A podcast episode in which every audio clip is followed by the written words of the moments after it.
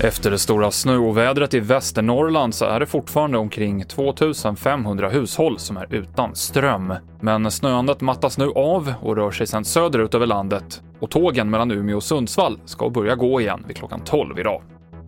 USAs vicepresident Mike Pence kommer inte att använda det 25 tillägget i konstitutionen för att avsätta president Donald Trump. Nu pekar allt på att Trump återigen ställs inför riksrätt, anklagad för att ha anstiftat upploppet för en vecka sedan och han skulle faktiskt kunna fällas. Mitch McConnell som är majoritetsledare för Republikanerna i senaten har tydligen uppfattningen nu att Donald Trump har gjort sig skyldig till åtgärder som befogar att man ställer honom inför riksrätt. Och det kan bli någonting helt avgörande som vänder hela utvecklingen och nu ser det faktiskt ut som en möjlighet att Donald Trump skulle kunna fällas. Det sa vår USA-korrespondent Stefan Borg. Mer med Stefan och om utvecklingen i USA på TV4.se.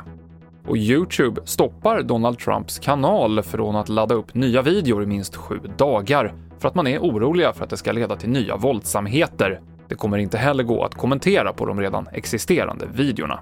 TV4-nyheterna med Mikael Klintevall.